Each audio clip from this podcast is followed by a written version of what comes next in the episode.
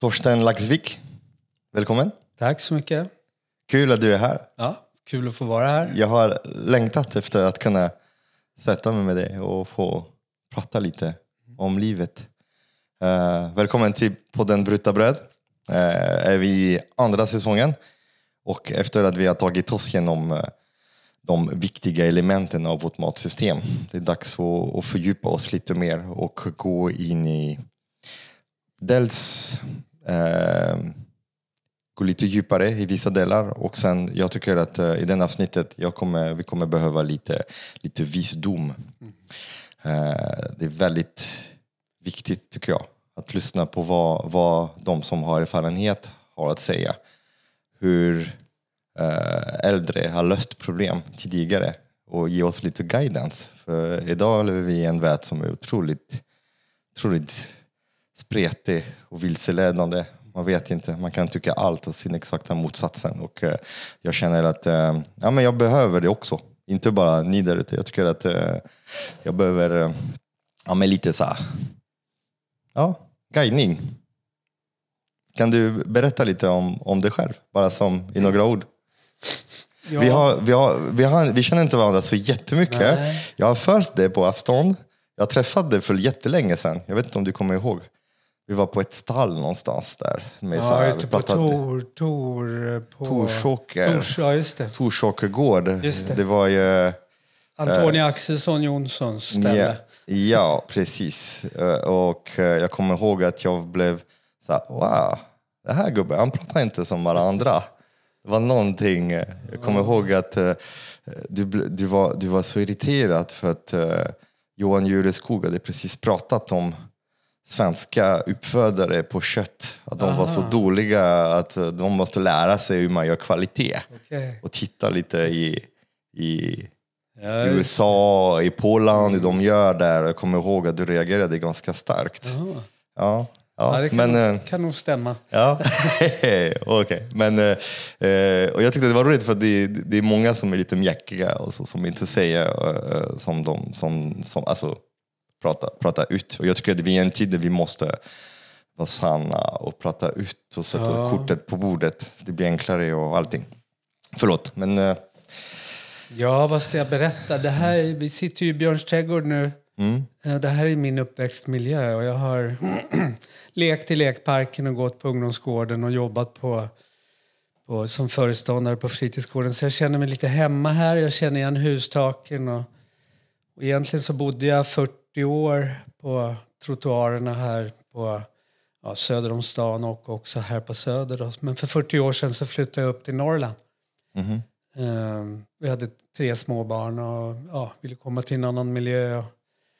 Och så började jag med lite djur och så knöt jag tillbaka till min pappas kultur där uppe med fjällkor och, uh, och sådana saker. Satte igång och funderade över landskapet och vem är jag i landskapet? Och egentligen så är det är skogen är... Jag brukar säga så här, jag är skogen. Uh, lekte alltid i skogen här ute i Svedmyra när jag var liten och alltid på somrarna där uppe. Och till slut så kände jag mig och känner mig fortfarande som en del av skogen. Och så lyssnade jag på ett radioprogram för några år sedan från Latinamerika, eller Sydamerika var det nog så var det någon som beskrev hur ett folk, ett skogsfolk där betraktade skogen som sitt skafferi, sitt apotek och sin kyrka. Mm. Och det där träffade mig precis. Skogen, skogen, skogen. Skogen är fantastisk. Och när jag flyttade upp dit då fanns det fortfarande ganska mycket skogar kvar för ja, 25-30 år sedan. Men idag finns det nästan inga skogar kvar i Sverige utan de är ersatta med plantager. Och det är en oerhörd tragik i det där därför att skogen, mitten på eh, 1800-talet så var varenda kvadratmeter skog i Sverige betad av kor. Alltså, eh, skogen födde verkligen människorna. Det var skogen som Korna betade, sen slog man hö, man ringade in åkrarna hemma och inga kor fick gå där hemma på byn utan man hade korna på skogen. Så det som är vår vagga, det som är vaggan för människor här uppe, det är förstört. Ersatt med plantager med biologisk enfald och, och stora utsläpp av klimatgaser och sådana saker. Det där ser man ju inte eh, omedelbart när man kommer ut i skogen därför att folk känner inte igen, längre igen skogar.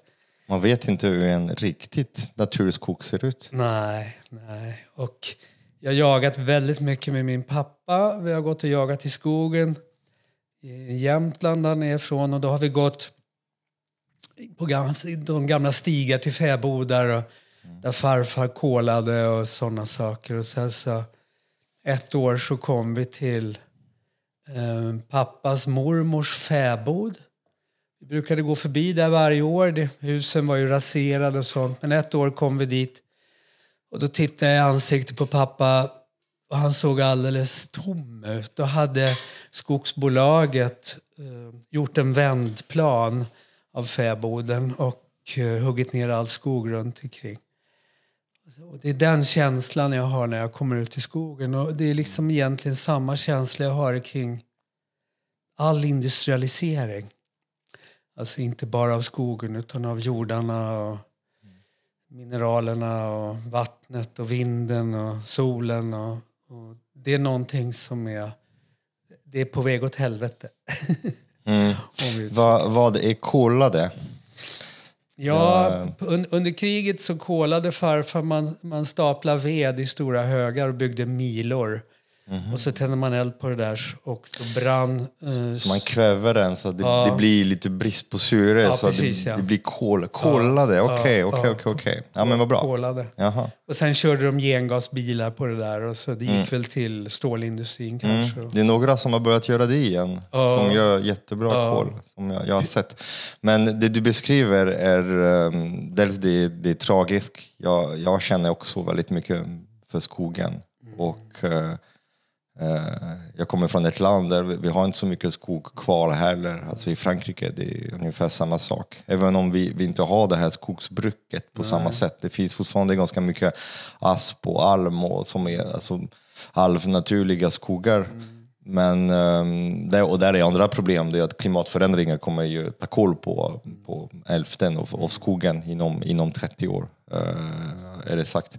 Men uh, de flesta svenskarna tror att vi, har, eh, vi lever omringade av natur. Och det är, som du säger, det är ganska lätt att, att bli lurad för att man vet inte hur en riktigt skog ser ut. Och nu, man kan köra, köra, köra, köra och se skog överallt och tycker fan vad, fan vad vi är nära naturen här. Men jag tror de flesta inte riktigt fattar att det är, det är som att gå genom en rapsfält. Uh. Det är ett monokultur, uh. det är brist på mångfald, det är också väldigt mycket mekaniskt arbete, det är mycket förstörelse, mm. det är mycket så här, eh, pesticider, det är mycket uh. tunga metaller, uh. det är mycket så här, ämnen som används också. Ofta man tror, när jag, jag, när jag pratar om blåbär, det är viktigt att köpa, köpa märkta blåbär, alltså att veta att blåbär, mm. och så, vadå blåbär, kommer från skogen. Alltså, ja, skog är inte, alltså en skog kan bli en, också en, en, en, en eh, fullt laddat med, med tunga metaller ja, ja, ja. Och, och sen man vill gärna veta vem som har plockat vad. Um, för jag vet att problemet ligger, ligger ungefär likadant i Finland. Fast de är ändå lite bättre, har jag hört. Är det, stäm, ja, det, är, det är samma det? skogsbruk. Det är, det är samma, samma skogsbruk. Att de inte sparat en tredjedel så att det ska vara, att det finns i alla fall ett buffert ah. som man måste hålla.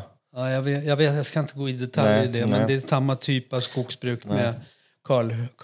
Och jag såg en intervju av Johan Rockström där han säger mm. att nu den, eh, den skogen, den nordiska skogen som räknades som en koldioxidbindare, ja. nu räknas inte som det längre. Nej, släpper, den har blivit en utsläppare ja, som släpper vi, mer än vad den binder. Och Sverige släpper ut ungefär 50 miljoner ton koldioxid om året och skogens potential att lagra in är ungefär 150. Okay. Så att om skogen fick växa så skulle vi kunna mm. Eh, lagra in allt det som vi också släpper ut. Men kan, kan, du beskriva hur skogsbruket går för de som inte vet? Alltså när man går genom en, en, en skog eller man plockar kantarell eller om man kör till Norrtälje, man ser de där tallar Eh, vad, hur ser ut själva anläggningsplan? Är det samma över hela Sverige? Ja, det är samma system över hela Sverige och det kallas för trakthyggesskogsbruk. Och tidigare har ju staten bestämt väldigt eh, starkt hur man skulle bruka skogen. Mm. Och trakthyggesskogsbruket kommer från staten från 50-talet. Då slutade man att plocka ut enskilda mogna träd och istället så blåste man ner alltihopa. Då brände man hyggena och sen markberedde man och så planterade man. Och i princip håller man på med samma fortfarande men det är lite mer tillåtet att, att ha plockhyggesskogsbruk, alltså där man plockar ut de mogna träden och uh, sådana saker. Men, men uh, man, uh, man planterar då så att man får nya skogar, ofta mycket med en kanadensisk tallsort som heter contorta som växer väldigt fort, ger mycket fibrer.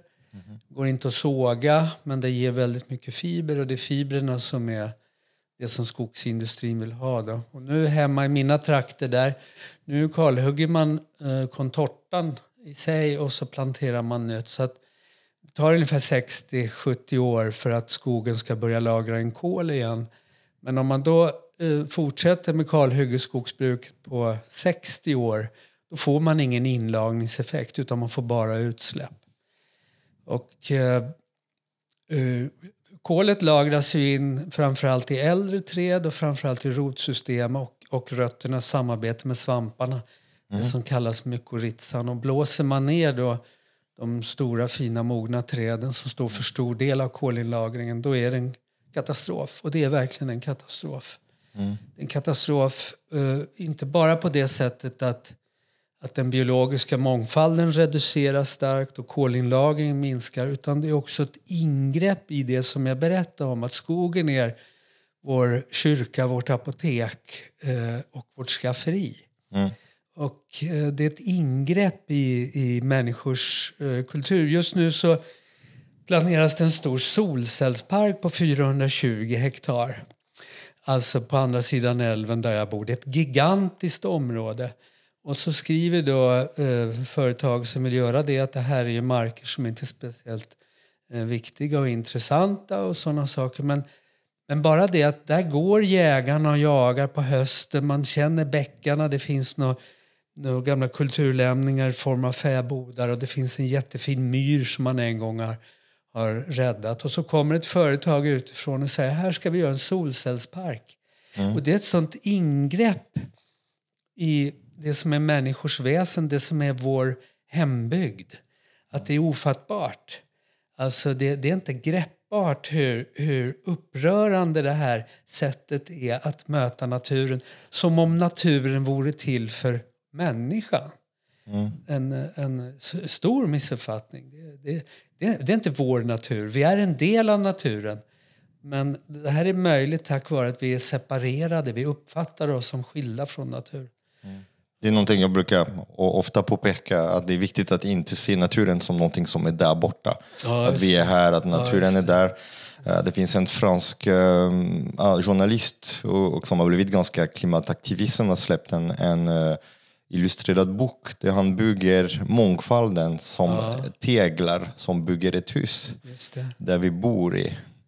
Som är det vi är en del av. Att om du kan ta bort en tygel, du kan ta bort en till och en till. Men mm det funkar ett tag, men sen när man tar bort för många då börjar ja. det hela rasa. Det, rasar, ja. det där med skogen, du pratade, du nämnde mykorrhizis, tänkte det är ändå viktigt del att se att eh, Eh, ett rotsystem på växter är beroende på sin omgivning och växter och svampar har en symbiosarbete som är livsviktigt för att svampar vill ha socker och växten vill ha näring och det blir ett utbyte. Och för ett, ett växt att producera socker för att mata svampar det är mycket mer sparsamt ja. än att bygga rotsystem ja, själv. Ja, Så de kommer använda den här kombinationen av båda. Och det är därför mykorrhizius, det kommer från, för jag är fransman, så med, med latin, det, att jag har studerat latin lite också.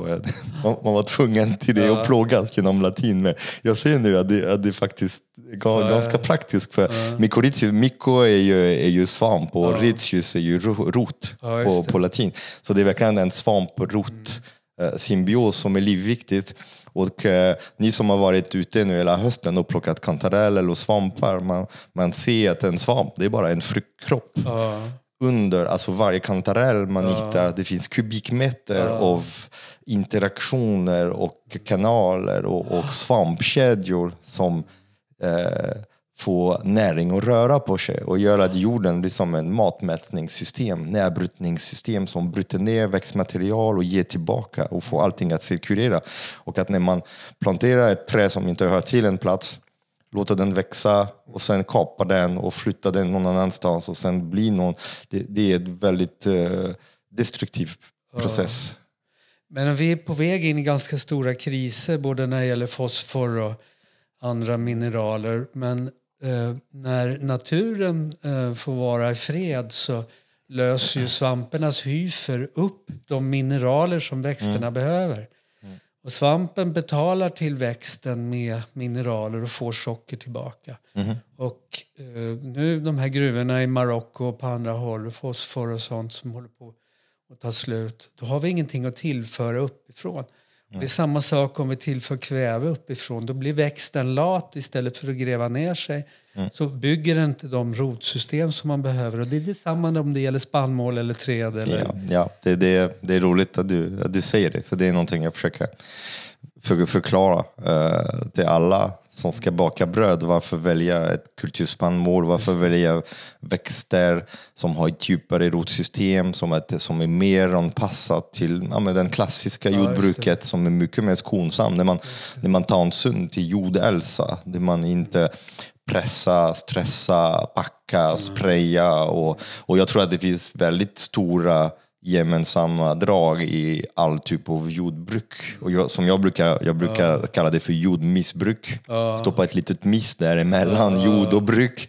För att man missbrukar jorden och eh, det gör att man måste räkna baklänges hur många skördar man har kvar, hur, mycket, hur många år man kommer kunna odla på en plats. Och det känns så himla, så himla fel, för att aldrig har vi tänkt så. Man tänker på våra förfäder. Jag läser lite så här gamla litteratur så här från nordisk jordbruk och så. Man, man läser om hur, hur man kunde skada träd på ett visst sätt för att sina barnbarn ska Ja, kunna bygga hus. Ja. Att man tänkte tre generationer framåt. Och i, förra veckan träffade jag Emil Vidish som har ett, ett jordbruk i, i Dalarna. Som, jag kommer inte ihåg, de är 12 13 generationen. Och han säger att i hans familj, de, all, de tänker alltid sju generationer framåt. Att det ingår i deras växtföljd. De tänker sju genero- generationer framåt. Och då var jag så här, men du tar i lite nu, kom igen, 140 år. Men han säger, nej, nej, det är inget skoj. Det här, det här är precis så, så det ska vara. Jag tror att det där är helt riktigt. Jag skadar också träd för att göra fetved. För att få fram färdigimpregnerat virke.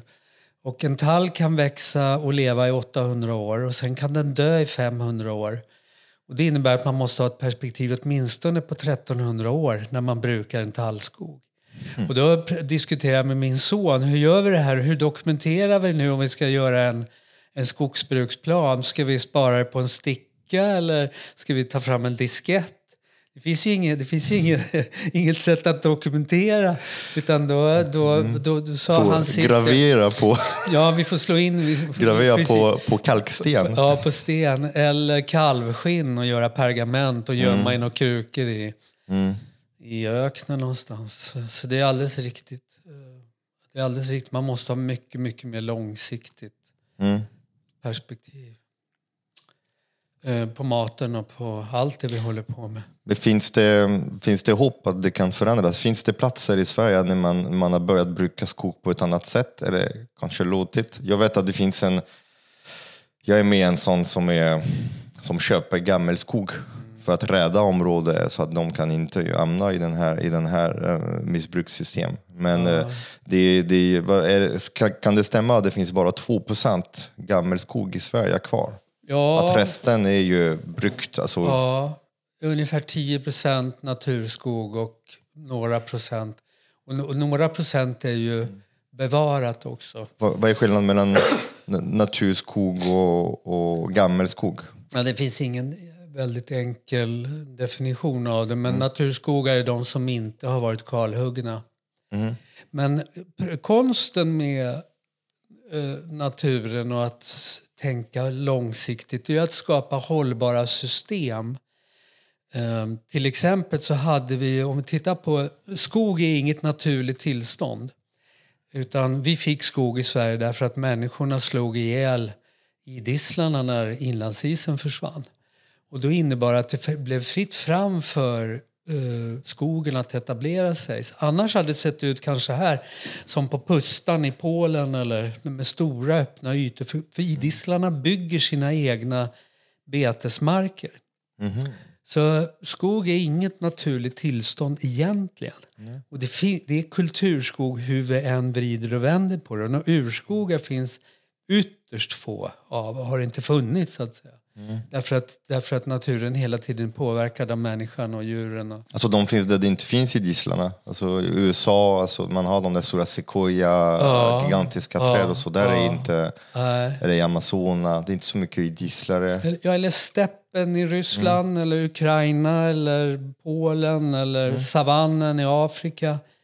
Eh, Man hade ju på, för 50 000 år sedan så fanns ju mammutsteppen uppe i Sibirien och det var nästan lika mycket djur där som på savannen idag. Alltså en enorm biomassa fanns där. Men, men skog, eh, skogen är inget eh, naturligt tillstånd. Vi måste hitta en modell för, inte bara att bevara, utan att en modell för att leva tillsammans med. Och vi har gjort så uppe i Ångermanland att vi har bildat ett skogsvärn. Ja, vi har bildat flera, men vi började med ett skogsvärn där vi köpte in en liten skog. Vi var fem stycken och så har vi återskapat en allmänning. Det vill säga de här fem delägarna brukar skogen demokratiskt. Och det är ju ett sätt att garantera att det blir kloka beslut. Att man inte fattar eh, enskilda beslut utifrån min privatekonomi utan att vi tänker på samhället. Vad är bäst för samhället? Vad är bäst för skogen? Vad är bäst för oss? Och hur, hur tar ni beslut och hur avgör ni om ni inte är överens? Ja, vi har det? en konflikthanteringsplan. Vi har byggt upp alltihopa. Vi har tittat på Elinor Åströms forskning från allmänningar. Vi Mm. har t- tagit fram åtta kriterier för eh, hur det här ska fungera. Vi har också öppnat upp för att andra ska kunna gå med. Mhm. Eh. Så vi har byggt ett helt system och vi kallar det för skogsvärn. Och nu har det bildats på flera andra håll i Sverige också skogsvärden. Inte bara för att bevara utan för att bruka. Alltså det här symbiotiska förhållandet som vi måste ha till naturen.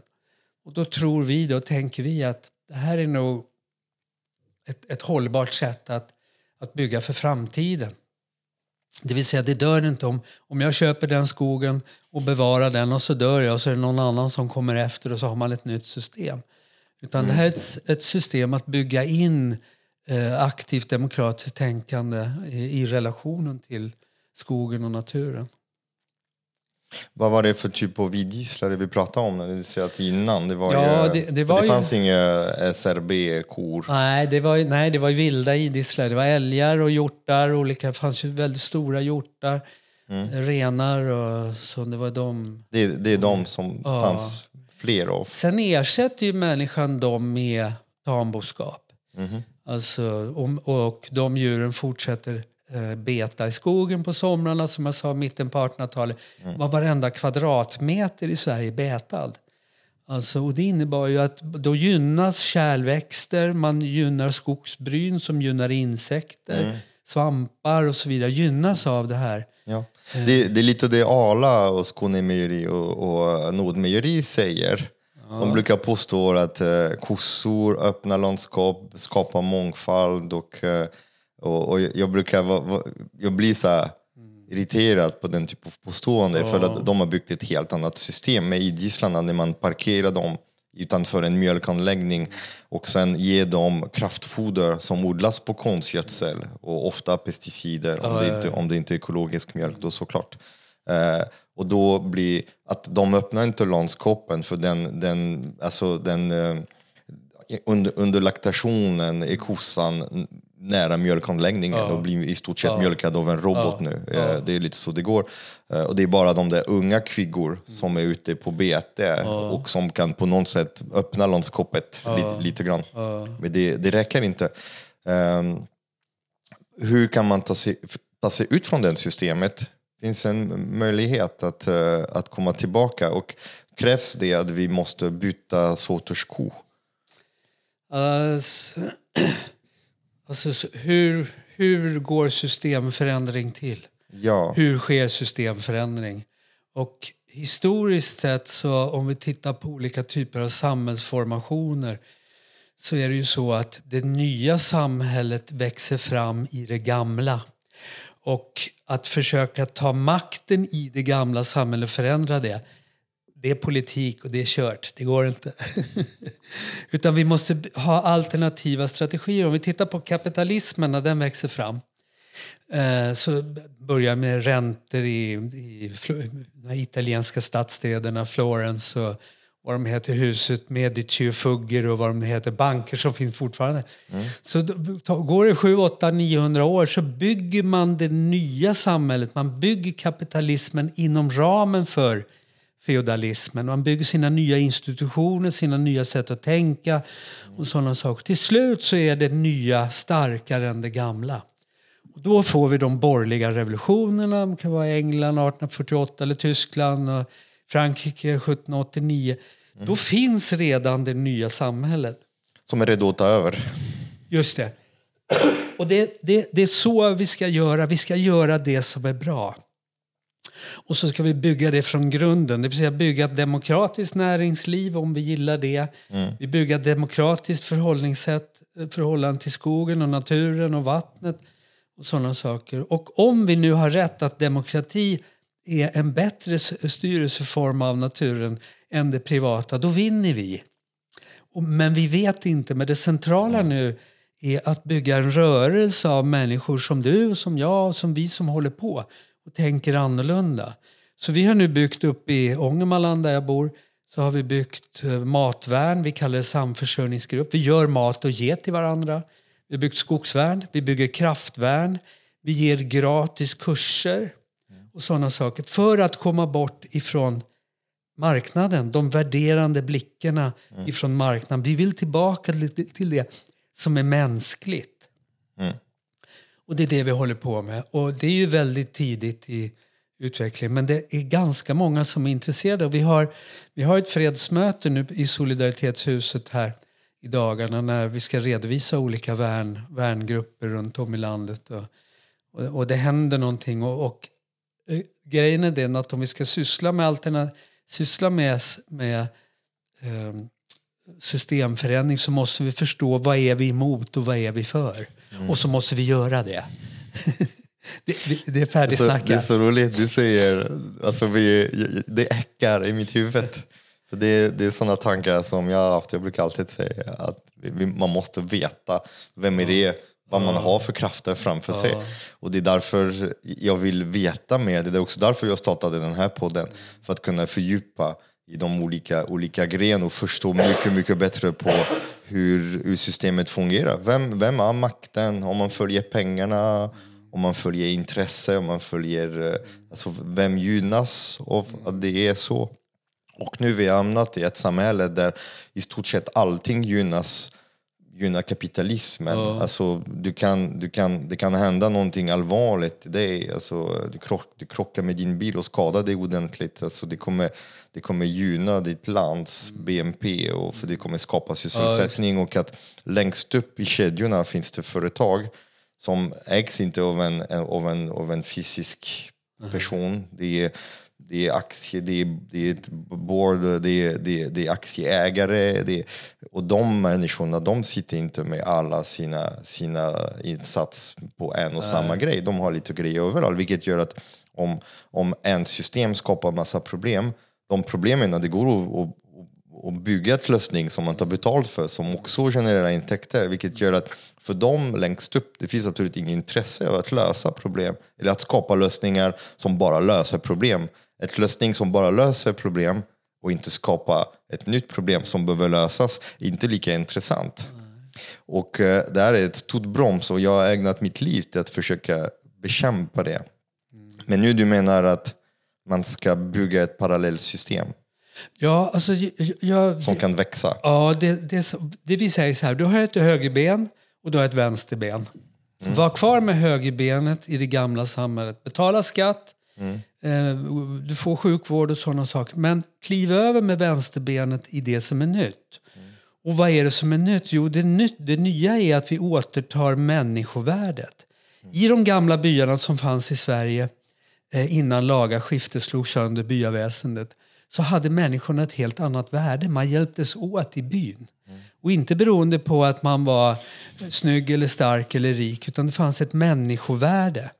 Och det sjunger arbetarrörelsen, de sjunger så här, och människovärdet fordrar vi tillbaka.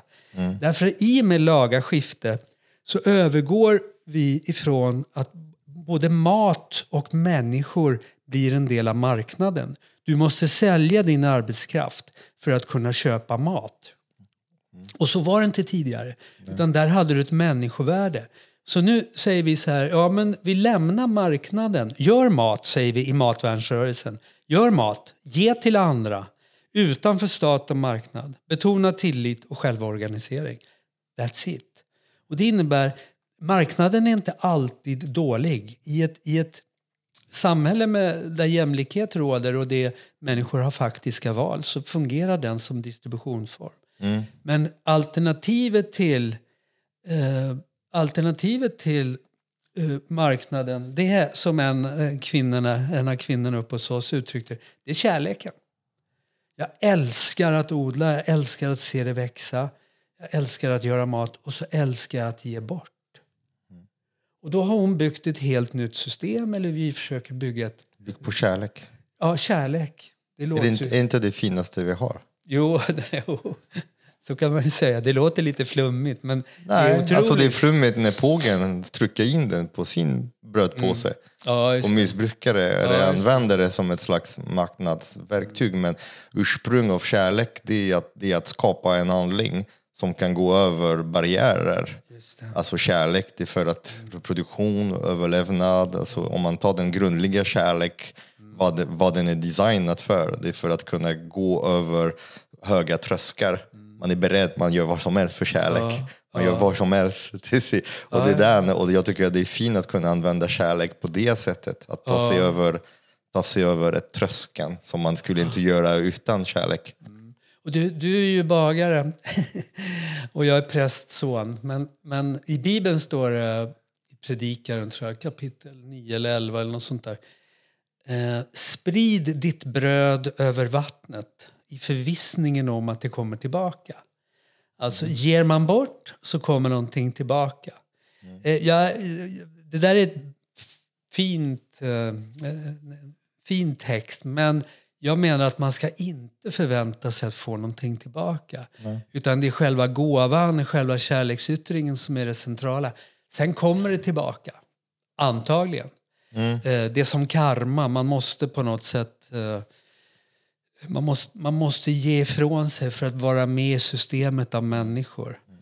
Och det är det vi försöker göra med matvärnet. Och, och då är ju brödet det är ju symbolen för maten. Det är ju, Och det är någon tanken som har blivit ut, uttarmat, tror jag. ja, man har blivit så mycket mer individualism. ja, Alltså, Sverige är ett bra exempel där det var extremt individ- individualism. Där det verkligen det handlar om jag. Jagen är ju, är ju det viktigaste av allting. Där man kanske också tappat den här, ja, men den här att, att ge och Eh, Jag vet min, min lillebror är gift med en, med en, eh, en kvinna från Peru som är, som är quechua, som är indian, indian ursprungsfolk. Och eh, för henne att möta den nordiska kulturen är jättevåldsam för att hos, hos dem finns den här kvar, den här tillhörighet, det du börjar prata om, människovärdet. Att du är värd för att du är och för, bara för dig, inte för vad du utstrålar, hur mycket pengar, eh, volatila saker som är omkring. Och att eh, eh, där man behöver inte ha försäkring till exempel. Det finns ingen försäkring i Amazonen när man bor i ett litet samhälle. För försäkringen, det är gruppen. Det är, om ditt hus rasar, Du behöver inte få pengar för att bygga ett nytt. Så när ditt hus rasar, då kommer hela byn komma in och dels hjälpa det och sen kommer bygga tillbaka.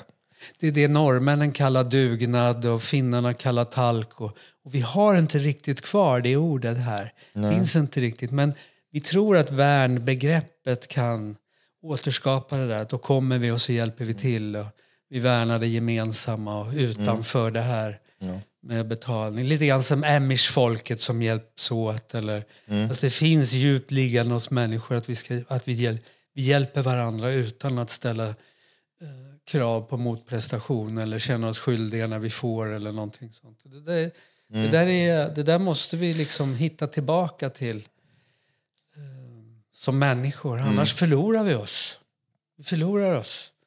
Om vi varje del ska värdera det vi gör och det vi producerar så, mm. då, förlorar vi, då blir vi liksom inte längre människor. Då tappar mm. vi den dimensionen av tillvaron. Mm. Men är det, är det, inte lättare för oss att säga så, tänka så, tanken på att jag är bagare, att jag har ett andverk mm. som är väldigt meningsfull och värdefull för många omkring. Det betyder att mitt människovärde är ganska högt. Mm om vi skulle hamna en, en, på, på, en plats. Alltså jag kan baka bröd, jag kan föda alla, jag kan förvandla spannmål till, till, till mat. Mm. Och du har din kunskap om, om skog, om djur, om slakt, om jakt. Och du har också en hög människovärde. Medan nu vi har i vårt samhälle vi har en rad olika många människor som människovärdemässigt, alltså kunskapsmässigt, stoppar du dem i en skog, stoppar du dem med...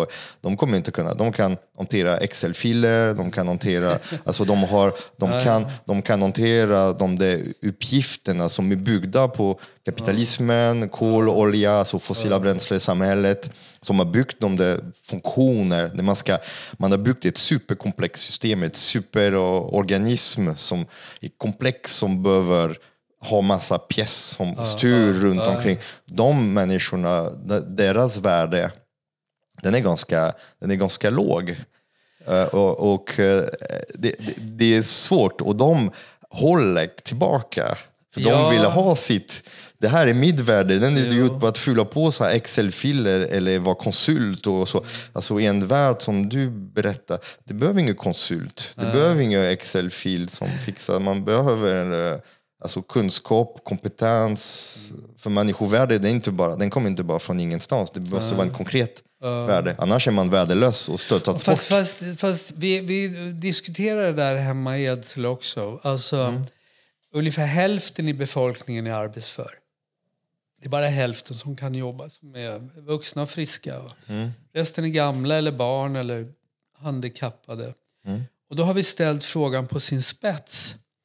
Eh, för att om vi bygger upp en samförsörjningsgrupp så måste vi tänka på att kanske försörja lika många som vi är också med mat. Mm. De gamla i byn, barnen i byn måste ju också få mat. Och då har vi spetsat till frågan och så säger vi att och vi måste också göra mat till de lata. Mm. För de lata har exakt samma människovärde som alla andra. Och det är väldigt provocerande mm. att tänka sig att den som inte vill vara med och odla potatis ändå ska få potatis. Mm. Så där, är, där, där, ställer vi den där frågan på sin spets. Alltså, mm. vad är, vad, vad, hur stort är människovärdet och vem omfattar människovärdet? Och det måste vara precis som kärleken, det måste vara villkorslöst. Alltså alla måste omfattas av det här. Och därför måste vi som nu går före och bakar bröd eller mm. slaktar eller odlar potatis eller syra grönsaker. Vi måste också tänka så. Att vi är lite grann en större by. Och de gamla byarna, före laga skifte, före slutet på 1800-talet, alltså när skiftet genomfördes, där var det väldigt noga att alla i byn hade del av bra jord, mellandålig jord och dålig jord. För alla skulle klara sig när det blev kris. Och det hette tegsystemet. Och det var väldigt eh, uppbyggt tydligt och man hjälptes åt och sådana saker. Men alla skulle klara sig själva. Och ingen skulle ha bara bra jord och ingen skulle bara ha dålig jord. Mm. Det fanns ett tänkande att människor ska klara sig själva. Och, eh, och, och man fördelade eh, rikedomen i form av jordar och sådana saker. Så det, det är det vi måste tillbaka till. Ett tänkande där vi ser till att alla människor har goda förutsättningar att klara sig. När det gäller utbildning eller mat. I min bok ser jag alltså lathet som en naturligt, naturligt grepp i en människa. Alltså om man har alltså, drivkraften är byggt på rädsla och överlevnad. På något sätt, man går upp på morgonen för att man är rädd över någonting, man, har, man måste upp och så. Om man tar bort alla de där spärren, och det förklarar lite varför de människor som får otroligt mycket pengar, som blir väldigt rika, som är födda, de är ganska olyckliga och de blir så här lata. Och, men att vi är lat från början. Och det är också det som har gjort att vi har börjat bränna kol och olja och så, för det har multiplicerat våra krafter, det har gjort att vi inte behövt jobba lika hårt. Alltså, jag brukar använda exempel av att, att blanda en deg med en degmaskin mm. i tio minuter. Alltså, det är så mycket kalorier, det är så mycket energi som skulle kräva mig att gå upp till Eiffeltornet mm. med trappor ja, elva gånger. Ja, det. Och det kan jag göra med bara en fingertryck ja, på en knapp. Att den, att jag, kan, jag kan befria så mycket energi och det är det som har varit vårt stora, det att eftersom att vi vi, vi, är vi är ett folk, Homo sapiens, alltså vi har funnits i vadå, 300 000 år. Eh, eh, det är ganska kort tid om man jämför med, alltså det har funnits andra folk, eh, raser, alltså det har funnits uh, Homo erectus, så de har funnits i, vadå, i, i 20 miljoner år. Eh, eh, vi har det är inbyggt i oss att eh, lagra, och det är det som har gjort oss framgångsrika, att vi kan lagra till senare att vi har en hjärna som planerar dels det som kan ge mig lycka nu och sen dels det som kommer ge mig lycka lite senare. Så att man kan, man har den här delen av hjärnan med både och. Mm. Och, eh, och det har gjort så att nu, det är klart, du får olja, du bränner det, du får bekvämlighet, du får det. Det är jätte, jättesvårt. Och det, och det har byggt en hel samhället av folk som, som, som inte orkar göra saker. Och man ser inte minst i brödet, det är ganska häftigt i bröd för man ser i Norden, brödet historiskt har varit kompakt, tung, näringsrik.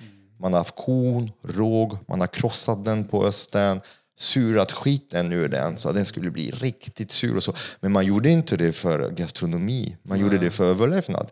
För att vattnet skulle frysa, kvarnen drev av vattnet, spannmål var för blött, den hade möglat, blivit giftigt och dåligt. Man var tvungen att krossa allting, förädla allting, söra allting.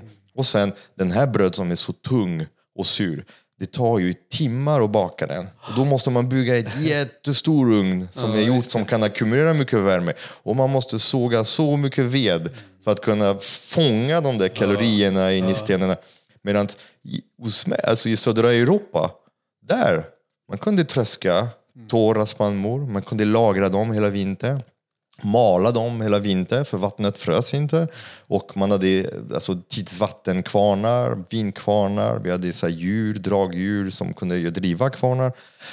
Och det vi gjorde det, att det var mala superfint, för man hade tid. Sikta bort den här klijävel som sätter sig i glutnet som gör att brödet kan inte fånga massa luft och gjorde superluftiga bröd. Mm. För att istället för 300 kilo ved för att baka 10 kilo spannmål, då behövde man 10 kilo. Så lathet har också drivit ja, ja, ja. matkulturen.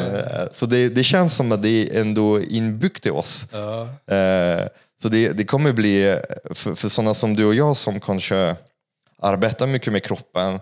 som förstår vad en insats, alltså vad det krävs att, att jaga en, en rådjur, en vildsvin och, och, ta upp den och stycka den och fixa den och ta vara på allting. För att man har så mycket respekt för råvaran och det här livet man har tagit till den som går på Ica och köper ett paket bacon och betalar med sitt kort. Hur, hur, hur, kommer vi få dem att hoppa in där? Det, det känns som ett gigantiskt mm. steg. Ja, ju, vi går ju mot en kris. Mm. Alltså en global kris på olika sätt. Och det är klart att det, det är eh, överkonsumtionen av energi mm. är ju liksom grundproblemet. Energin är alldeles för billig. Eh, om vi tittar på en fäbod på 1920-talet, det gjordes en studie i Klövsjö mm. på energiåtgången på en fäbod. Man tittade hur mycket eh, kalorier får man ut från en fäbod. Så räknar man gubbarnas arbete på våren och de reparerar högg ved. Och sen eh, kvinnorna som kom upp och mjölkade och gjorde ost och sådana saker. Då Eh, I det systemet stoppade man, stoppade man in en energienhet arbete och fick ut fyra energienheter energi. Mjölk, eh, ost, kött och sånt. I dagens industrijordbruk där stoppar vi in tio energienheter olja och så får vi ut en energienhet mat.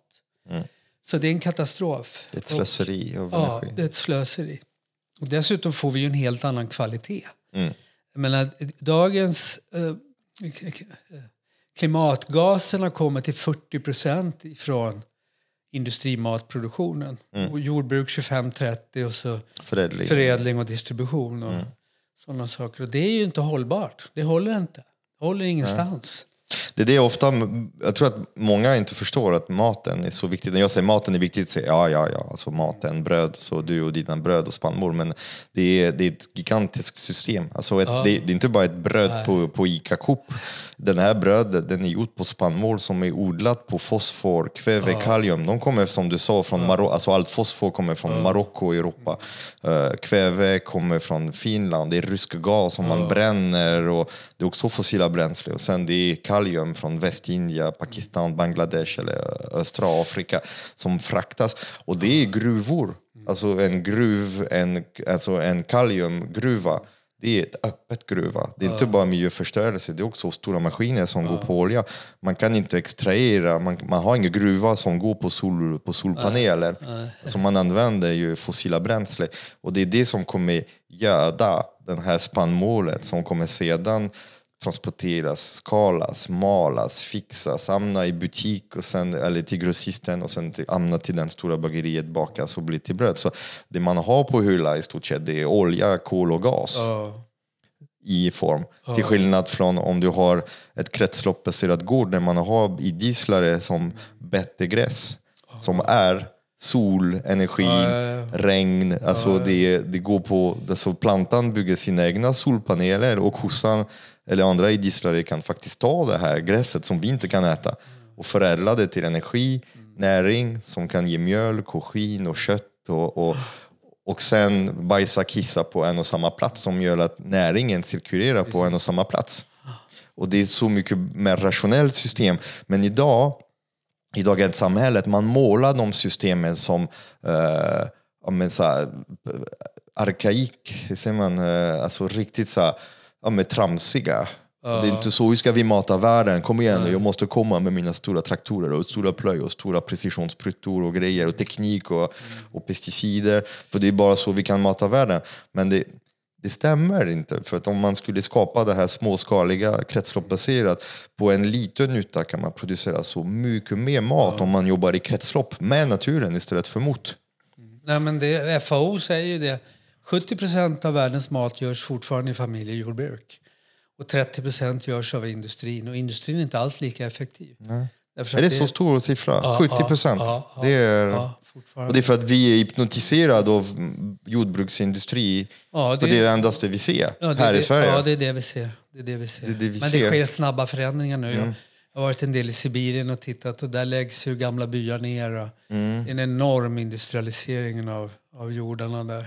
Men det går så överallt känner jag. Alltså, det är samma sak i Indien, i Bangladesh. Och, det, och det är lite där eh, det finns den här amerikanska um, välgörenhetssystem som byggs på stora miljarder som, eh, som eh, Microsofts för, före detta vd som bygger organisationer och kan ta ut gigantiska summor pengar och bygga foundation som, som kan drivas med räntan. Så de behåller sin kapital.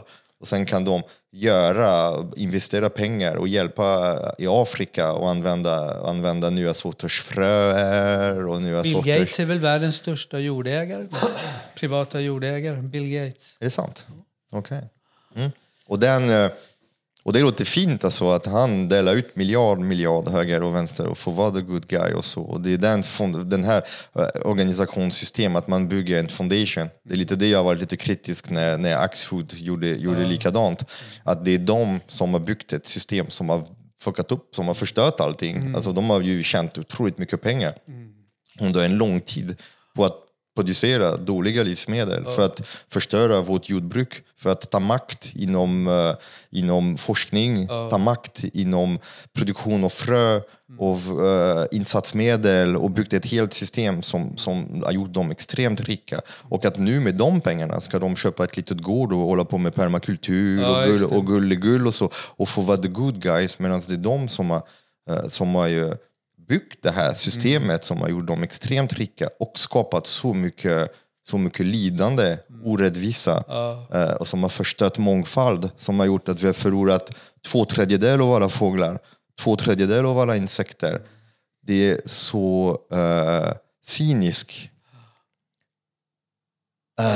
Ja, jag håller med dig fullständigt. Ja. Och det är det, bland annat det som kriget i Ukraina handlar om.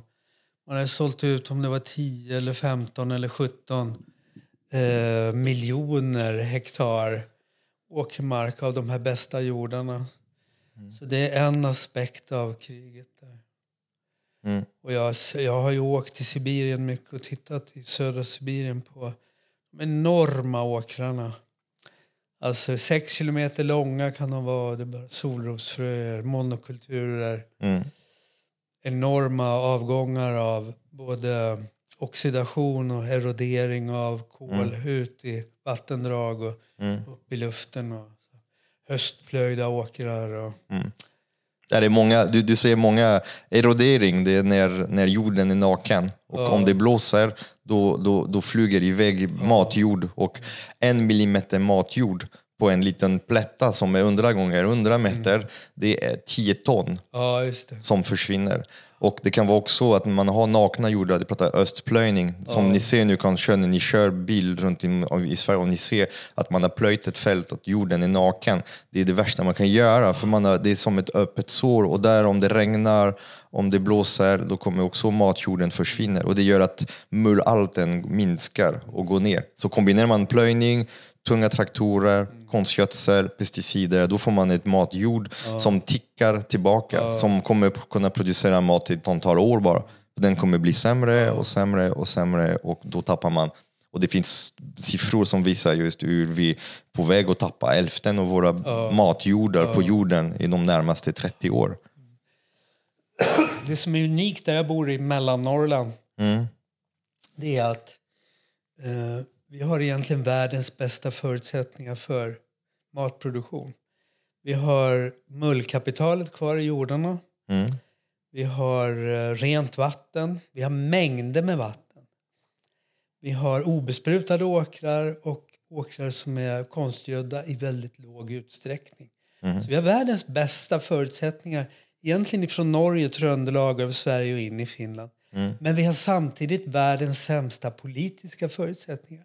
Det går inte att leva på matproduktion. Det finns ett antal små entusiastiska mathantverkare som tar pengar ifrån pension eller gör ett jobb vid sidan om eller har skog eller någonting och så gör de kvalitetsråvaror. Men ingen kan leva på det. Nej, och då är idealarbetet. Ett, ett samhälle är ju sjukt när människor inte kan producera mat Mm. och sälja och leva av det. Då är det något grundläggande fel. Jag har, jag har bakat bröd som den vi har på bordet här. Alltså MR, bröd, dalavete, Ölandsvete på fullkornsmjöl. Köpt spannmål på 25 kronor kilot, malt dem, gjort alla processer som krävs i två dagar för att få ett bröd. Och sen sålt brödet för 70 kronor. Ja, ett, det. ett kilo bröd. Just det, ja, just det. Det betyder att varje limpa jag har sålt i min karriär, jag har gett bort ett bröd plus en 20, 30, 40 lapp. Ja. Jag har delat ut pengar. För det, är så, det endaste sättet att försörja sig som bagare, det är, visst man gör bröd för man älskar att göra det och göra de där stora bröd för de är fantastiska att baka. Men då måste man sälja bullar, kaffe, dryck och andra saker. Så det är där man tjänar pengar. Och jag tror det är samma sak med mathantverk. Jag var på SM, SM i mathantverk eh, där jag ser fortfarande våra mathantverkare passionerat som sitter fortfarande och sätter sina produkter på ett jurybord och får det bedömt för att försöka vara bättre och bli, göra det godare. För de hoppas på, fortfarande på att om de kan göra den här sylten, eller den här osten, eller den här korven lite godare, då kommer folk förstå och vilja betala och sluta rynka på näsan när de ser en prislapp på en äkta produkt som är gjort på riktiga råvaror.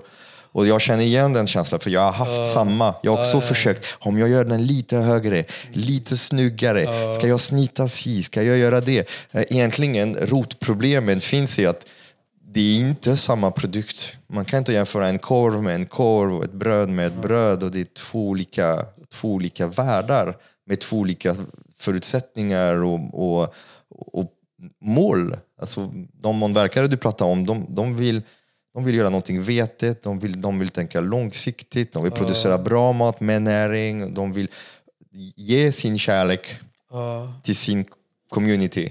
Men det är det vi har gjort. Jag har gjort så med köttet. Jag byggde upp, vi byggde upp många nya gårdar där uppe, producerade naturbeteskött, vi byggde slakteri, vi satte igång att sälja och sådana saker. Och så när vi började räkna på det så kanske det kostade mig 200-250 kronor kilot att producera köttfärs på det här köttet. Och så kommer man till kunden och säger att det här kostar 150 kronor. Då rynkar de på näsan och så tycker de att det är dyrt. Fast jag då har betalt, skjutit till 100 kronor per kilo. Och därför slutade jag. Jag lämnade marknaden. Nu gör jag mat och så ger jag bort den. Mm. Det är mycket, mycket mer värdefullt. Ah, Det är så sorgligt Torsten, att ehm, folk måste vakna. Och, eh, för det är det, när man köper det här köttet som kostar, som är billigt, det, det finns en till prislapp som är dold som man Mm. ja, inte ja. ser. Och det är det, det är det vi ska lämna till våra barn och barnbarn. Alltså vad ska vi lämna? Vi, vi, vi håller på att låna Mm. på, på deras förutsättningar. Vi har fått tio äpplen, de ska få ett Jaha. äpple. Det är så, ett, ett barn som föds 2023 kommer få ett äpple. Nu vi, vi gör en stor grov, eh, dra en kam i det hela, man pratar energimässigt. För att eh, det kommer ingen magisk teknologisk lösning att rädda oss. Eh, till och med AI-modeller som är jävligt duktiga på att räkna börjar också räkna ut att eh, det, ser, inte. det ser inte bra ut på det systemet som vi har byggt och vi måste göra ganska stora förändringar redan nu. Men, eh, men kan du berätta lite om, om, om för det, det finns, jag var, jag var i Östersund på, på, eh, Slaktaren. på Slaktan och eh, eh, jag fick känna den här att även, även i Jämtland, den, det finns ändå en ett slags tillhörighet. Det här är min land, det här är min mark och så. Att man vill försörja sina lokala aktörer också. Även där är det svårt att, att bedriva ett verksamhet när man gör kvalitet. Uh, va, va, jag, jag önskar att det fanns platser där, där man kan se det hela rulla på väldigt, väldigt fint. Är det verkligen en hemlighet? Är det verkligen en lösning att ta bort det alltså ekonomiska? Förbindelse, att man kan inte köpa och sälja. För kapitalismen ser jag inte som ett stort problem. Jag tänker att pro, produ, produktionismen är, är mer farligt tycker jag. För jag tänkte, Ryssland i, i, i kommunistiska tider, det, det, var inte kapitalistiskt men det var ändå mycket, mycket miljöförstörelse. Alltså man kan inte säga att Ryssland var super eko miljövänligt på den tiden. Det är produktion, produktionismen, att man ska producera, producera, använda resurser, ta resurser gratis. Ja. Ja, det är industrimoderna projektet. Det är Mm. likadant oavsett om det var socialistiskt eller kapitalistiskt. Det är tilltron på att om vi bara, om vi bara liksom producerar mer och mer och mer så blir allting bra. Mm. Och, och det är lika misslyckat oavsett om det är socialistiskt eller Ja. Det känns att kapitalismen skulle kunna bygga jättebra modeller också. Alltså att skapa, precis som den var skapad för att skapa ett mellanvärde mellan dig och mig. Du är frisör, jag är bagare. Du behöver äta bröd varje dag, jag behöver klippa mig varannan månad. det gjorde vi innan kapitalismen också.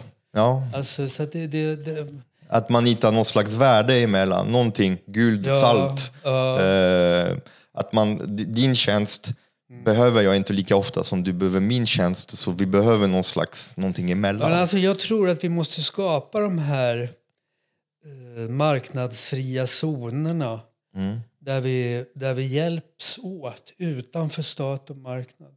Jag tror att vi måste göra det och det finns inget svar på hur det här ska sluta eller någonting. Utan men, men när vi organiserar oss och gör de här matvärnen och, och de sakerna då kommer det uppstå tänkande så, och, och lärande i de organisationerna.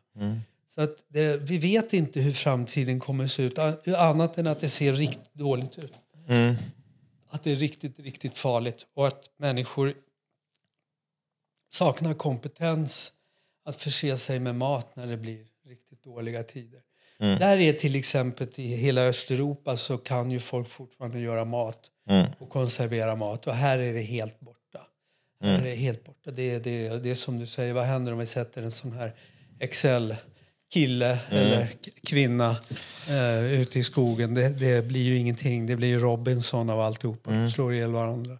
Vad tror du på den nya vågen med teknologi? Alltså 3D-printat mat, eh, processad mat som eh, utvinner fiber hit och dit och insekter och... Alltså det där är, är helt fel tänkt. När vi jobb, jag jobbade på fritidsgården här i Björns trädgård alldeles bredvid dig och gjorde så småningom lite utvecklingsarbete. Då frågade vi fritidsledare vad gör ni för någonting på jobbet? Vad är det ni håller på med? Då sa de vi spelar pingis och vi har fikagrupp. Ja, men vad gör ni egentligen? Ja, just det, vad gör vi egentligen? Och då fick jag till slut så fick jag svaret ja, men vi bygger bärande relationer. Mm. Det är liksom det som, medan vi spelar pingis så är det, det är det som är det centrala, att vi upprättar hållbara bärande relationer. Och det är egentligen samma sak med maten. Maten handlar inte om mat. Vi begår ett stort misstag om vi tror att maten handlar om mat. Mat i, vår, i matvärlden och, och i de här grupperna så handlar det om att bygga tillit mm. genom självorganisering. Att bygga kompetens och sådana saker. Framförallt att bygga tillit till varandra. Och då är maten bara ett medel. Och Mat är naturligtvis inte bara ett medel. och det är gott också. Och det är gott också, ja, just det. Jag skulle kasta in den brasklappen.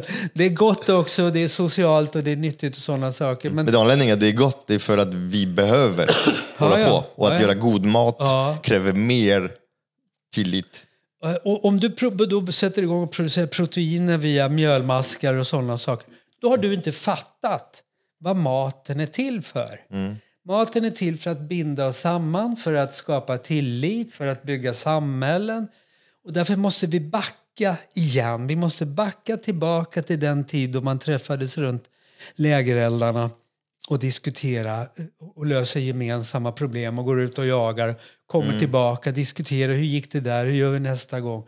Alltså det, mat, tillitsaspekten på maten, det är ingen som diskuterar. Nej. Utan man diskuterar näringsvärde och trivsel och sådana saker. Men i fungerande byar, i fungerande samhällen, där är maten central för tillitsproduktionen. Mm. Och samhällets viktigaste resurs är tillit. Du kan inte göra någonting med pengar om du inte har tillit. Pengar är helt Pengar är tillit. Ja, kan vara. Det är, tro, alltså det är tro av att man tror att pengar, idag pengar är luft. Ja. Så det är byggt på tillit, förtroende. Man ja. tror att det här är värt någonting. Ja. Om du tror att min pappersbit inte... Fråga, fråga en apa, mm. du får det här bit papper om jag får din banan. Där. Ja, kommer, va? Det kommer inte funka heller. Vi är ändå det, speciella djur. Det, det, var ju, alltså guldmynt, vi hade ju guldmyntfot förut. Man mm. kunde ju gå till, bank, till Riksbanken och få ut guld. Och och eh, i, i, USA tog man bort guld, men det var Nixon som tog bort... 70-talet, ja. Ja, 72 mm. tror jag det var. Mm, sånt där. Mm. Och, och då, då var tilliten så stor till USAs ekonomi och till petrodollarn via Saudiarabien. Mm, mm, mm, att man trodde att det där skulle hålla i all evighet. Och nu rasar mm. alltihopa. Nu rasar mm. petrodollarn, nu rasar dollarn, BRICS går in och eh, ersätter det där systemet med, återigen med, med ett råvarubaserat eh, betalningssystem? Ja, alltså idag är, är pengar, är vårt ekonomiska system är väldigt, väldigt uh, byggt på luft. Alltså ja, nu, ja, ja. det skapas pengar. Och, det, är, det är väldigt, och det, är, det som gör mig lite ledsen när det gör en mat, är också att mat har blivit en, en commodity. Alltså det har blivit, jag hade en bra diskussion med, med Märta, Jöns dotter mm. från Gröna Gårdar. Det. Och uh, det vi pratade just om, om det här med commodity och med just att, att mat har blivit betraktat som stål och, uh. och, och guld och, och, och, koppar. Mm. Att, eh, och att det är inte ett sätt som gynnar de som är svagaste länkar i, i vår värld. Uh, och att, um, ja, det är väldigt... Men, uh, men det, det, är intressant det där, därför att mm. vi måste backa. Det är inte bara maten som måste, måste bort ifrån marknaden, utan hela naturen. Ja. Alltså marknaden funkar kanske att producera saker och sådana saker. Men vi måste få bort marknadstänket ifrån eh, naturen och återskapa andra distributionsformer där. Ja. Alltså, Kanske betala tillbaka. Alltså när man tar ett kilo koppar ur marken för att bygga välfärd och, och elbilar och, och elektronik och grejer, då kanske vill man också betala tillbaka Ja, på något det. sätt. För nu tar vi allting gratis. Ja. Vi tar världens resurser bara utan, eh, utan, utan att betala tillbaka på något sätt. Och det är lite så jag ser i, i matbutiken. När, när du köper ett bra mjölpaket, den är dyrare. Och det du betalar, det, du betalar ju det som har tagits. Alltså du betalar mer så att de som har producerat har kunnat jobba på ett sätt som inte förstör naturen. Så att man kan få den där jorden att, att odla. För det är det som är den stora skillnaden mellan de konventionell jordbruk som är alltså produktion, ögavkastning och insatsmedel och massa elektronik. Och, och där har vi en, en rad nya teknologi som är på G med drönare, med precisionssprutor, speciella, speciella typer av, av, av kameror som kan se vad plantan behöver. Nu jag, jag gör med mina fingrar lite så här, för det, det plantan, allt den behöver från jorden i stort sett. Eh, och om, om den inte har det, den växer inte där, den kommer växa någon annanstans. Och eh, att det hela flytta ett system från en annan. Vi håller på att göra våra svenska bönder beroende på en massa teknologi, elektronik för att bygga ett nytt matsystem. Och det är många som tror jättestarkt på det. Eh, Det är så gigantiska pengar som investeras idag i foodtech. Alltså i de där 3D-printat och alltså att man kan 3D-printa eh, oxfilé. Ja, just. Eh, och att ehm, det känns som oxfilé. Just det. Sen frågan är, är det här rätt väg att gå? Och eh, vad, vad gör vi med 3D-printaren när det finns inga geggamoja Nej, att stoppa in det? För det där geggamoja, den, den kommer någonstans ifrån som också väldigt energi, energikrävande.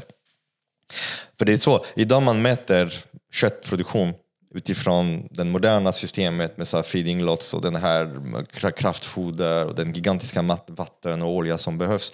Hur ser det ut om man tänker lite mer kretsloppsbaserat? Alltså finns det siffror? Är det, det, nu jag tänker, siffror är inte så viktiga i det här läget, men finns det kunskap kring det som kan säga att det här är bättre än, än det här? Att fotavtryck är lägre på den typ av kött som du håller på med. Ja, alltså det, det här naturbetesköttet som vi håller på med där uppe, Mm. det, det gynnar ju kolinlagring. Det gynnar biologisk mångfald. Mm. Det vill säga det har en positiv miljöpåverkan. Och exakta siffror och sånt, det, det, det, det finns inte. Liksom. Nej. Vem ska betala för att få fram det? Det är lite det som är, vem vill bevisa att det här är ett bättre system? Kan man, räcker det att man känner att det här är... Ja, men vänta nu. Mm. Om vi får en kris, en riktig kris. Eh, vi producerar väldigt mycket mat i Sverige. Det räcker till alla och till många andra. Mm. Eh, eh, men vi är helt beroende av insatsmedel. Olja, gifter, Mm. eh, reservdelar, utsäden och så vidare. Allting. Så att vid en blockad då blir vi helt utan industrimatproduktionen.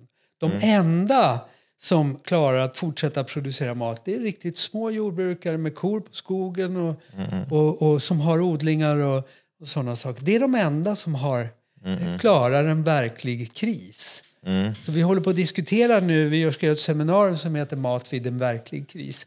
Hur kan kommuner och, och, och regioner förbereda sig för en verklig kris? Och jag är delägare i Slaktaren i Östersund med Johan. Eh, och vi håller på att titta på, skulle vi kunna eh, autoklavera stora mängder kött och förvara i källaren på sjukhuset till exempel? Autoklav det är en slags pasteuris, alltså högtryck Ja, uppvärmning som steriliserar mat så att det kan hålla väldigt länge i rumstemp. kan hålla i 30 år. Precis. 40 år. Och på det sättet skulle till exempel det offentliga, alltså kommun och region, börja upphandla mat. Investera i Inve- matstaket. Ja, investera i 10 kilos eh, köttgrytor eh, och, och upphandla på det sättet att, att den som säljer också ska kunna leverera vid en verklig kris. Alltså då ska, man, då ska vi kunna Hela kedjan, eller produktionskedjan, Ja, råvarukedjan. och distributionen. Och distribution. Förädlingen, distributionen och eh, ja, produktionen. Och tillverkning. Ja. Ja, och tillverkningen. Alltihopa. Så de nya slakterier vi tittar på nu, vi tittar på ett, att bygga ett, det, det ska vara självdrag och det ska vara jordkyla. Alltså inga elektriska, ingen, utan man ska kunna fortsätta arbeta där även när strömmen går. Så att vi ska kunna producera kött och så. Finns det kommuner som tänker på det sättet? Alltså, vad, är vi då? Är det, är det Alltså, Östersund finns vi ett- pratar om? Det, det finns ett antal kommuner som köper in kor eh, som kalvar och så betalar de för uppväxten. Mhm. Och sen slaktar vi dem på Raffna slakt i Ramsele och så kör vi ut dem. Mhm. Eh, Härjedalen är en sån kommun. Mhm. Eh, Sollefteå kommun där jag bor gör på det här sättet. Det finns må- många andra såna kommuner. Men det finns ännu ingen som tänker mat vid en verklig kris. Nej, nej. Och grejen är den att, att an, enligt ansvarsprincipen i kommunallagen så, ska, så är kommunerna skyldiga att förse skolbarn och gamla med mat och sådana saker. Men i, i och med att maten är så industrialiserad så tänker man inte utanför boxen. Man kan inte tänka sig tanken att det inte finns diesel till lastbilarna eller elektricitet eller sådana saker. Så, och, och Eller där, komponenter till den här ja, kretskortet som Ja, dr- precis. driver det här sy- kylsystemet. Ja. För det är någonting som jag, jag har försökt eh, upplysa ganska länge. Jag tänkte om det är några politiker där ute som lyssnar och eh, tittar på siffror av självförsörjningsgrad i Sverige som har, som har gått ner ganska kraftigt de senaste 30-40 år men som idag påstår vara 42 procent. Eh, vilket är ett helt uppblåst siffra, för den är byggd på produktion, den är inte byggd på hela kedjan som du sa innan. Alltså vi, vi tror vara självförsörjande på potatis, lök och morot. För att vi producerar lika mycket potatis som vi, som vi äter och kanske till och med lite till så vi kan exportera. Sen vi importerar lite också. Men eh, om man tittar på riktigt, om man tar bort insatsmedel som kommer från utomlands, alltså fosfor, kalium, kväve, alla olika pesticider, alltså för en vanlig potatis, det är 7, 8, 9 preparat som måste tillföras till jorden på växten i olika tillfällen med en maskin som drivs av bensin, olja då i så fall, eller om det är biogas då, då är det okej, då kan man kanske göra den själv. Men själva maskinen som gör biogasen är också ett importvara. Sen har man du, skördetröska, traktoren, reservdelar och sen har vi packmaskiner, göra rent, antigroningsmedel så att potatis kan vara i butiken och inte börja gro där, för det är just där inne. Eh, och sen får vi papperspåse, transparenta fönstret, termoetiketten. Inte ens bomulltråden som syr påsen är svensk. Nej. Så det betyder att om man stänger gränserna, då kan vi inte producera potatis i Sverige. Jag känner några odlare som kan. De har ett slutet system där de har näring själva. De har gamla skördetröskar. De har sina, sina system som är byggt på, på nordisk eh, råvara och insatsmedel. Eh, så att vart är vi på väg? Alltså, eh, nu vi, s- jag, brukar, jag brukar säga, eh, jag vet inte, jag, jag flyger inte, jag vet, jag vet inte om du flyger, men eh, det är, eh, skulle du sätta dig i ett flygplan som 5% chans att krascha? Nej. Det, det, skulle, det skulle inte du göra, det skulle ingen göra. Skulle du sätta dig i ett flygplan som har 1% chans att krascha? Inte heller. Skulle du sätta dig i ett flygplan som har 0,1% chans att krascha? En på tusen. Nej, inte det heller. Alltså det är mycket. Ja, Förstår du? Att hela flygindustrin är byggt på att det finns nästan ingen chans att krascha. Vilket chansen är 0,0000000. Det är en för flera miljoner, tanken på hur många som rör sig. Att det har gjort flygplan som det säkraste färdsmedel på jorden. Det är farligare att åka tåg och bil och cykla och gå egentligen. Så. Och det är den enda anledningen som gör att folk flyger så mycket. För det är inte farligt, man är inte rädd över det. Nu vi sitter på en planet som är byggt med ett system som det börjar räknas att det är mer än 50% chans att vi kommer gå in i kaklet. Ja. Och trots det sitter alla på det här jävla flygplanet som har mer än 50% chans att krascha. Och tror och hoppas på det bästa. Det är inte klokt. Det är inte klokt. Nej. Och det måste vi vakna tycker jag. Ja, Eh, och det- och, då- eh, och där är bra, bra initiativ om man ska börja använda barn och äldre som vi är skyldiga Mm. dem matsäkerhet.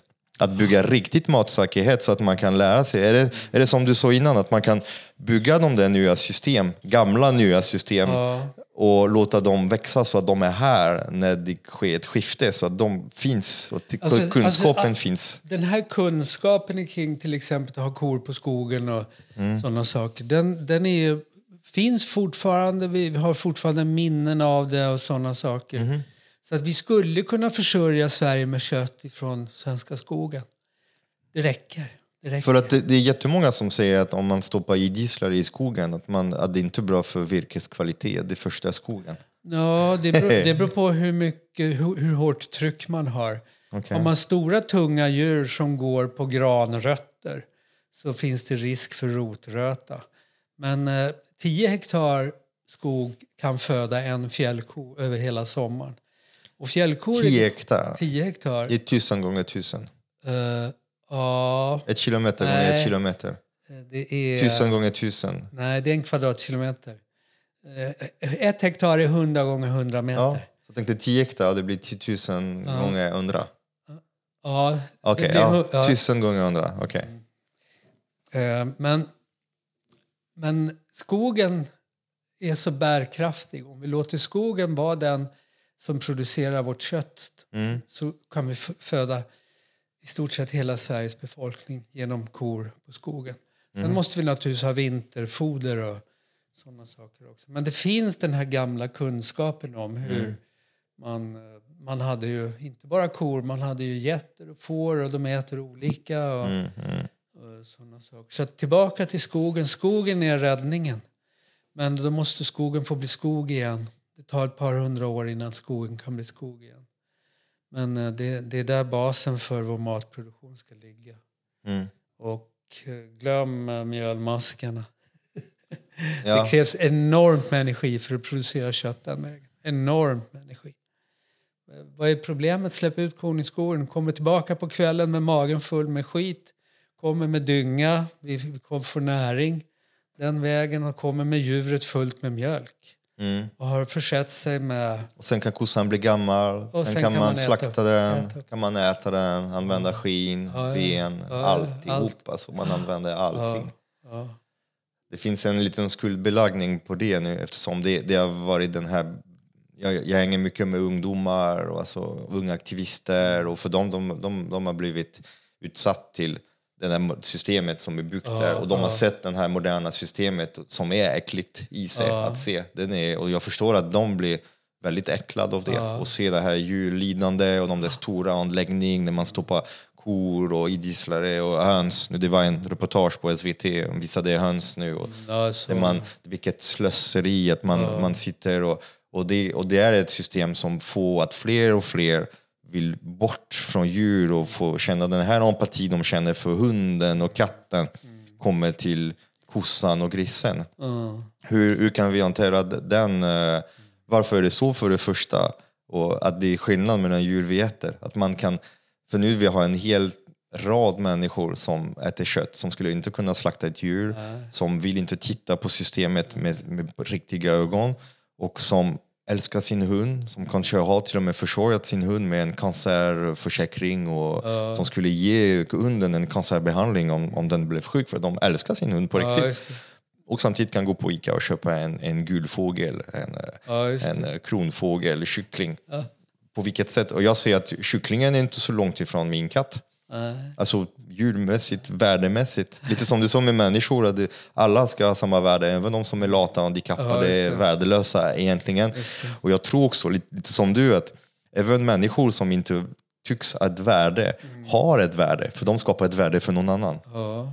Och jag gillar alltid det här begreppet av att man går in i skogen och plockar blåbär och tänker på hur många blåbär man plockar kontra hur många blåbär man trampar på. ja, just det. Och vilket blåbär som är förstört. Just. Vilket som, alltså, och, och, och att man, om, om man skulle utsträcka det på, på, på djur också och se att eh, dina barn är inte så långt ifrån mina barn. Och dina djur och mina djur. Och, alltså min hund, en katt, en fågel, en, en sparv. Alltså, på vilket sätt vi har separerat, klassificerat djur i olika värde.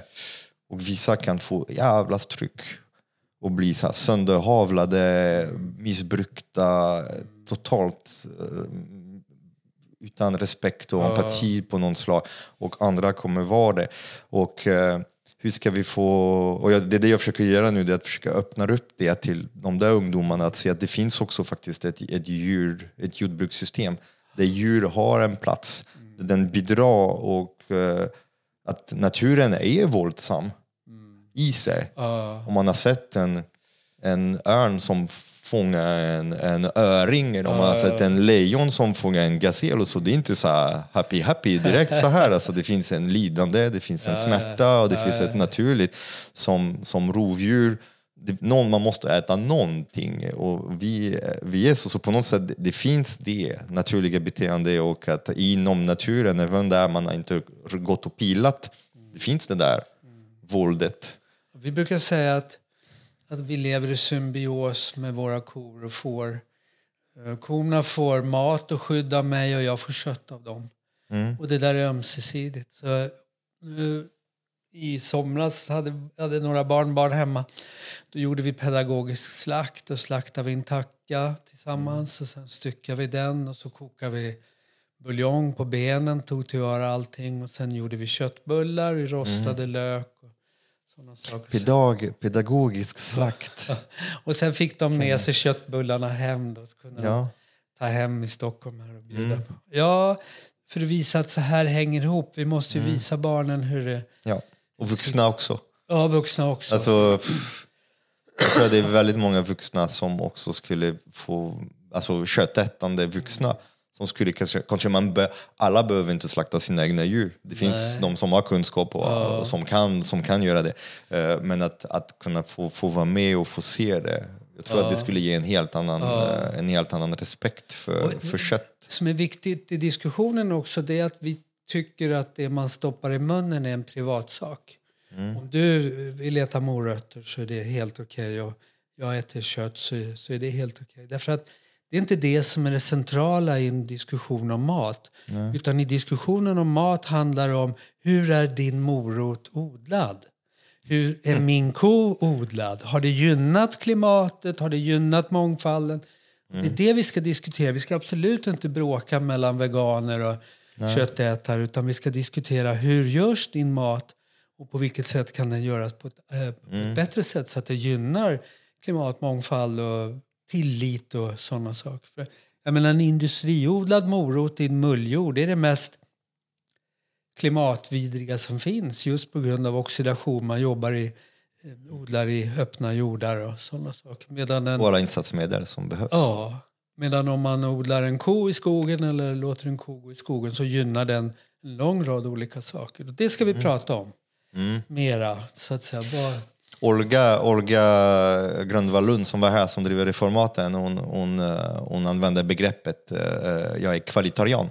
aha, Att man, inte, att man är Just det. kvalitarian istället. Och då blir det att alla kan vara kvalitarian. Ja, om man äter växtbaserat, om man, äter, om, om man är pescetarian. eller om, Det blir alla. Jag är kvalitarian. Är du kvalitarian? Och det blir att plötsligt... För ofta när man tänker som, som du beskriver, eh, man betraktas som snobb. ja. Vad är det för...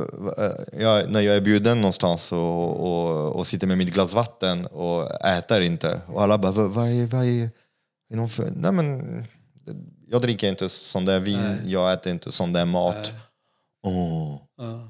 åh. Alltså det blir så här, som att jag är snobb. Så jag är inte snobb, men jag vet precis vad som finns bakom de där livsmedel. Jag vet vad som krävs, vad som, och jag vill inte bidra till det. Det här är, det här är min rätt. Det här är min skyldighet. För, och det här är eh, min frihet. Att göra det. Och jag ska inte bli kränkt eller betraktad som en snobb bara för att jag vill inte äta mat som är producerat med pesticider och konstgödsel på ett sätt som jag kan inte stå för. Och det är därför eh, kvalitarianbegreppet tycker jag passar ganska bra. ja, det är bra. Det är, det är, det är samma sak. Som Mm. att säga. Vi bryr, bryr mig inte om vad du äter, men hur är, det, hur Ja. är maten gjord? Om det inte är en morot eller om det är en, en, en bit kött. Jag gillar, också, jag gillar också den. Och det som kommer att hända nu, tro, tror jag, om det fortsätter som det gör, det är att vi får en utflyttning från städerna. Mm. Vi kan inte fortsätta föda befolkningen på det här ohållbara sättet. Vi kommer att bygga upp ett Mm. nytt byaväsende på eh, landsbygden. nya byar, nya moderna byar kommer att växa fram. Eh, och där kan man då göra maten som inte kräver massa tillsatsmedel. Det är så små begränsade odlingar, kräver inte massa tillsatsmedel. Eh, och inte en massa distribution heller. Utan man äter maten där den produceras. Och sen lite grann i omgivningen också. Så det, det, det är den, vi har något som heter Byakademin där vi diskuterar hur ska framtiden se ut i det här landet. Hur ska maten göras och vilka kvaliteter ska åstadkommas. Vilken betydelse har tilliten och sådär. Mm, väldigt mycket. Eh, Kommer det komma tillbaka gamla lantraser som man har haft då? Är det, är det, är det ett måste? Eller kan vi bygga den här nya, nya gamla systemet med de där moderna sorter? Är de Alltså, anpassat till det? Det behövs inte. Det, de, de fjällkon har gått i skogen i tusen år. Finns tillräckligt med genetiskt material Ja, för att ja, kunna... ja, det ja. finns Än det? så länge, ja. Ja. ja. Vad är skillnaden mellan fjällnära och fjällko? Jag har alltid Eh, undrat. Ja, den fjällnära är inavlad. Okej. det är samma genuppsättning. Så att, Mhm. Men de är mindre för de är inavlade. Så att egentligen är det ingen skillnad på det. De är ganska, de, de är ganska små. Ja, så de är lättare och de Ja. producerar mindre mjölk. Ja, ja, Men de, de, är bra, de är bra att ha. ja, Är det? Ja, ja. Ja. ja alltså, ju fler olika sorter det finns, ju bättre är det. Det är ju idén med mångfalden. Mm. Werners, finns en ko, finns inte en ko som heter Werners? Vänersko. Vänersko. Vänerko. Ja. Vänerko som är jättefin med långa Ja, horn ja, ja, och jätte, Jo, jättefina det finns ju fler. Rödkulla, Vänerko. rödkulla. Ja. Jersey, är det bra? Görs är ju en engelsk ras och den är jättebra. Det, det är väldigt, väldigt mycket karotinoider i fettet. Alltså, Okej, Så det blir gult. Ja, Ja, det det blir mycket fett i mjölken också. ja, ja, hög fetthalt. Ja, ja, ja. Hög fetthalt. Så Nej, material finns. Mm. Material finns. Det är ekonomi som inte finns. Nej. Men, eh, och, och det går inte att trolla fram. Det går inte att, att massa människor ska jobba ideellt för att göra det. Utan det Nej. gör sig när, när den ekonomiska krisen slår till. Då gör det sig själv. Mm. Eh, Det vore bra om man kunde börja nu. Innan krisen Ja, vi- kommer så jo, vi har lite mer... Jo, vi gör ju det. Mm. Alltså förbereder oss. Men det kommer ta fart först när krisen kommer. Mm. Men det är precis som jag sa, vi måste förbereda oss för ett annat samhälle. Ja. Men när tiden kommer så... Man såg det under corona. Alltså när corona kom, folk blev väldigt rädda. Ja, Och eh, eh, man såg att det, det gick fort allting. Det blev väldigt strukturerat och omfattat. Och det som eh, inom, om man har pratat klimat, klimatkris och ekologi och så, det har varit väldigt mycket så här, oh, man får inte använda skam, man får inte skrämma folk när du pratar så här. Du gör, ska... Och sen tittar man på hur alltså coronakrisen har hanterats. Fan vad det var mycket skam och, och rädsla och, och det verkar funka jävligt bra. Så nu jag börjar känna, ja, men det är kanske läget, det är kanske det vi ska använda. Skam och rädsla. Så om ni märker, om, om ni märker där ute att när jag skriver en, en, en, um, en kommentar på Instagram, eller om det är någon influencer som är någonstans i Thailand där och håller på att tipsa om en ny dryck och eh, oh, jag är här och så och jag är ganska, ganska hård. Det är för att jag har börjat använda skam som ett verktyg och att om man också pratar mer allvarligt om saker, det är för att nu det är läge för att börja bli lite rädd över det som kan hända. Det är inte säkert. Det kan absolut finnas bra saker som händer som kan vända på det hela för man vill ändå ha hopp och jag, jag har hopp. Men tanken på att det finns ändå ganska stor risk att det kan bli tuffare, att det blir mindre tillgång på energi, det blir en mondialisering som måste förändras. Man kan redan se en minskning på flöde av varor runt om i världen och att det börjar börja producera mer på, på ma- eget mark. Att nu gruvindustri i Sverige håller på att börja planera. Vi, må, vi kan inte vara beroende på länder, ostabila länder långt borta för att få tillgång till de där metallerna som är viktiga för, för att kun- kunna uh, överväga. Så att eh, eh, skam och rädsla och gemenskap. Och för jag tror att när det är, man är rädd, man har lättare att komma samman jo. att hitta. Och då jag, jag träffade massa odlare, massa bönder som hade såna rekoringar som mathantverkare. Och det gick så bra för dem under corona. Och nu de är så ledsna. De känner sig så svikta av svenska folket. För att nu de har inga beställningar längre. Folk har slutat beställa, beställa för nu, nu känns det lite chill nu. Nu är det cool igen. Nu, nu känns ja, men nu finns det grejer i affären och så. Medan när de var rädda och oroliga, då var så här, oh, mina svenska bönder och min lokal producerad bla bla bla och så. Så att eh, jag blir ledsen att se att, eh, att eh, alltså, vi, ska, vi ska inte svi- svika de som gör bra nu. Och vi ska hjälpa dem och vi ska sluta rynka på näsan när man ser en prislapp som är högre för en riktigt bra produkt. Eh, Och eh, sluta använda mathantverk som en liten lyxgrej man äter till påsk och midsommar och jul. Att våra producenter behöver näring året om. året Och deras näring det är försäljning. De gör hela jobbet för oss. Och de behöver stöttas. Absolut. Mm. Det, är- Är det någonting du vill, du vill tillägga? Är det någonting som du vill, du vill säga innan, eh, innan vi bryter bröd? Tänkte jag, kan, Nej. jag, kan, eh, jag blir lite sugen på lite Härligt. bröd och smör. Det är lite temman här, eh, som podden heter Bryta bröd. Att, Ja. Du ser, jag använder inte kniven. Nej, jag bryter bröd. Tack.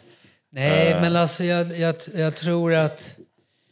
ehm, jag tror att vi måste hjälpas åt allihopa. Vi ska förbereda oss på att det kommer andra tider. För de kommer komma ganska fort. Om man tittar på, tittar på det som händer i hela västvärlden nu så är ju en civilisationskris utan like. De gamla kolonialländerna frigör sig och sådana saker. Så det är ju... Tack. Så det är bara att vi fortsätter och håller diskussionen igång och sen framförallt gör. Det är färdigpratat nu. Nu gör vi de här Det sakerna. var det jag skulle säga. Är det inte tid för action mer Ja. än diskussion? Har vi inte pratat tillräckligt länge nu? Oh. Ja.